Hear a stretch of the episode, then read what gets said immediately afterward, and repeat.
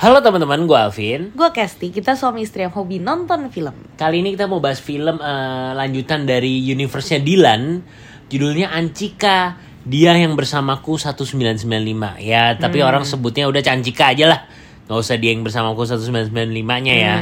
Ini masih eh, melanjutkan dari kehidupan eh, Dilan yang kita udah nonton di trilogi sebelumnya ya Dilan 1990, 1991 sama Milea ya.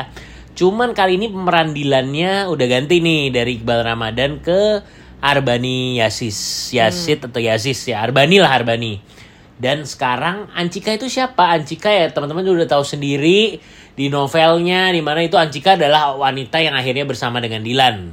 Gitu. Cuman ini adalah film template kisah pertemuannya Ancika dan Dilan, tapi lebih banyak dari sudut pandangnya Ancika. Mungkin kurang lebih sinopsisnya seperti itu ya. Menurut kamu gimana filmnya?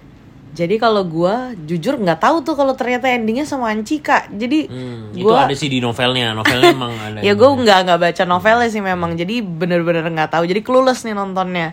Hmm. Terus em, awalnya tuh waktu tahu yang main bukan Dilan lagi, gue rada kurang yang semangat. main bukan Iqbal, Eh, bukan bukan Dilan. Iya, yang main bukan Iqbal lagi tuh agak kurang semangat karena sebelumnya tuh gue suka banget sama si Dila, eh sama si Iqbal. Iqbal udah Dilan banget iya, ya. jadi kayak setiap kali ngomong Iqbal tuh kayak Dilan gitu. Jadi, waduh kok ternyata bukan Iqbal lagi gitu. Cuma ya udahlah, dia udah kita lihat saja. Nah, cuma waktu nonton trailernya, terus gue kayak, wih ternyata yang ini keren banget ya maksudnya yang ini kayak laki Arbani lebih lebih cowok gitu Laki ya. Banget beda gitu beda ya, lah, bukan ya, lebih ya. bukan Iqbal. Nggak nggak kayak cowok maksudnya lebih kayak lebih lebih laki lebih gitu, laki gitu ya. Ha. Jadi gue lebih, kayak lebih cocok apa posturnya gitu iya ya. iya lebih cocok kayak posternya gitu. Jadi gue kayak waktu pertama kali gue liat Iqbal gue juga pertama sebenarnya ada ragu. Tapi kan waktu dia mainin ternyata berhasil banget. Gue aja sampai kayak luluh gitu kayak "Uh, gila keren banget Iqbal. Ternyata nggak nggak manis gitu. Maksudnya keren juga gitu jadi anak geng motor. Nah cuma waktu ngeliat si siapa tadi namanya Arbani. iya ternyata ih gila ini baru nih kayak wih cocok banget lah pokoknya kayak laki banget. Jadi secara selera gue kayak lebih suka Dilan yang ini gitu. Nah terus si Ancikanya ini Jika yang main Z JKT48 ya. Betul itu juga uh, gue waktu ngeliat trailernya kayak ih keren nih gue suka tuh cewek-cewek tomboy-tomboy gitu. Jadi kayak wah kayaknya nih kayaknya seru nih gitu. Jadi pengen banget nonton. Dan ternyata setelah ditonton secara pemainnya jujur gue lebih suka ini gitu. Maksudnya jadi Dilannya gue lebih suka yang ini uh, Ancikanya gue ceweknya tuh lebih suka yang ini. Cuma em, awal-awal sampai ke tengah cerita tuh lumayan entertaining.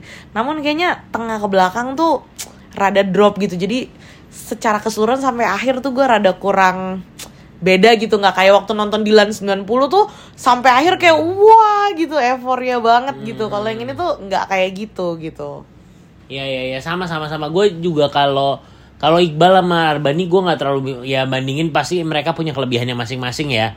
Dan menurut gue ini kan fase Dilan yang berbeda. Udah empat tahun sejak eranya eh, Dilan yang di 91 ya 90 91 kan Dilan masih SMA tuh. Sekarang nih Dilan udah udah kuliah ya. Di tahun 95 nih ceritanya. Dan si Ancikanya yang masih SMA jadi lebih muda. Nah Arbani menurut gue eh, bisa lepas eh, dari bayang-bayangnya Iqbal dan bisa memerankan Dilan dengan versinya dia sendiri. Itu satu. Dan gua kedua Z jujur gua ya leb- ya buk gua nggak mencoba membandingkan dengan aktingnya dengan Vanessa karena memang Vanessa ya jadi Milea beda ini kan Ancika. Cuman menurut gue ya Z sangat menarik sih dari jadi cewek tomboy yang cute, yang manis, yang kalau senyum sedikit aja cuman membuat kita juga pengen senyum-senyum sendiri gitu loh. Dan seperti Kesti bilang juga, gue sangat suka dengan eh, adegan pertemuan mereka per awal lah sampai pertengahan film ya. Eh, jokes-jokesnya khas Pidi, Pidi baik lah, kata-kata yang eh, khas Gombal- Pidi baik, gombal, gombal-gombalnya bikin itu senyum-senyum. muncul semua di sini, membuat kita eh, bisa senyum-senyum sendiri ya. Cuman sekali lagi mulai sepertiga ke belakangnya setelah setengah film lewat, gue mulai ngerasa eh, film ini sedikit kehilangan eh, pegangan pegangan gitu. Jadi ini film mau apa nih ya? Mau gimana itu kayak jadi apa ya? Malah ngerasa gue sih ngerasa rada bosen gitu, rada rada bosen di di, di sepertiga akhir film gitu. ini total filmnya berapa lama ya 100 menit kalau nggak salah cuma ya. 100 menit ya gue juga sempat 100 tengah-tengah tuh berasa salah kayak ya kalau nggak salah ya. kok ini ternyata lama ya kayak kadang-kadang kan kalau kita nonton film seru tuh mau sampai dua jam juga kayak nggak berasa kayak hah tiba-tiba udah habis aja gitu nah kalau ini tuh berasa kayak tengah-tengah tuh kayak oh lama juga ya nih filmnya kayak udah berasa kayak lumayan panjang nih gitu Yes, yes, gitu yes. sih. Cuma sebenarnya secara secara ini PD Baiknya ikut nulis nggak sih yang kali ini? Ah, kalau skrip filmnya gue nggak tahu ya, nggak tahu sih. Oh. Kalau dulu kan Bidi Baik sebenarnya kalau nggak salah ikut jadi co-director Iya, bareng ha, sama ha, ha. Mas Fajar Bustomi. Kali ini kan sutradaranya juga beda ya, Mas Iya, Beni Setiawan. Mas Beni Setiawan itu salah satu sutradara yang menurut gue eh gue kagumin banget di karya-karya dramanya lah gitu. Hmm. Kalau nggak salah terakhir dia garap juga layangan putus the movie tuh Mas Beni juga. Hmm. Terus filmnya Reza sama Rehanun sebelumnya Tui Fortiare juga Mas Beni. Gue suka scene-scene drama di dua film itu gitu. Termasuk film-film Mas Beni sebelumnya ya. Di Anci Kadila ini juga gue suka beberapa scene drama yang oh ini Mas Beni banget nih. Apalagi editingnya juga udah eh, udah jago banget lah senior banget Kang Cesa David Lukmansyah. Nah itu ngebuat film ini wah lebih kuat di beberapa sisi dibanding menurut gue ya dibanding trilogi sebelumnya. Cuman sekali lagi ketika melihat keseluruhan film yaitu ah menurut gue gue sayang sih di sepertiga akhirnya ah, agak kurang kuat gitu. Plus plus plus ada cameo yang memang yang teman-teman juga bisa lihat di trailer sebenarnya. Bukan spoiler ini ya di akhir trailer juga bisa dilihat. Cuman menurut gue itu cameo-nya kurang works kurang berhasil. Itu aja.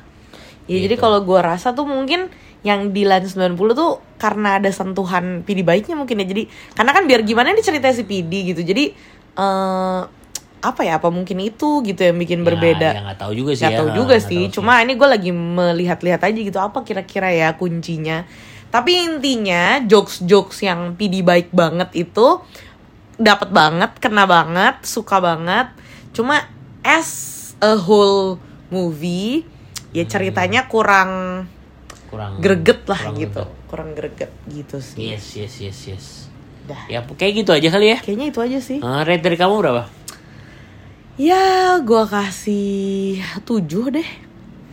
ya aku 6, koma- ya 7 deh 7 deh udah boleh lah 7 lah Oke lah Udah. kalau gitu. jadi official rate dari asal sini untuk film Ancika adalah 7 Jadi teman-teman silahkan nonton di mana aja, asal ke sini dengerin reviewnya bye. bye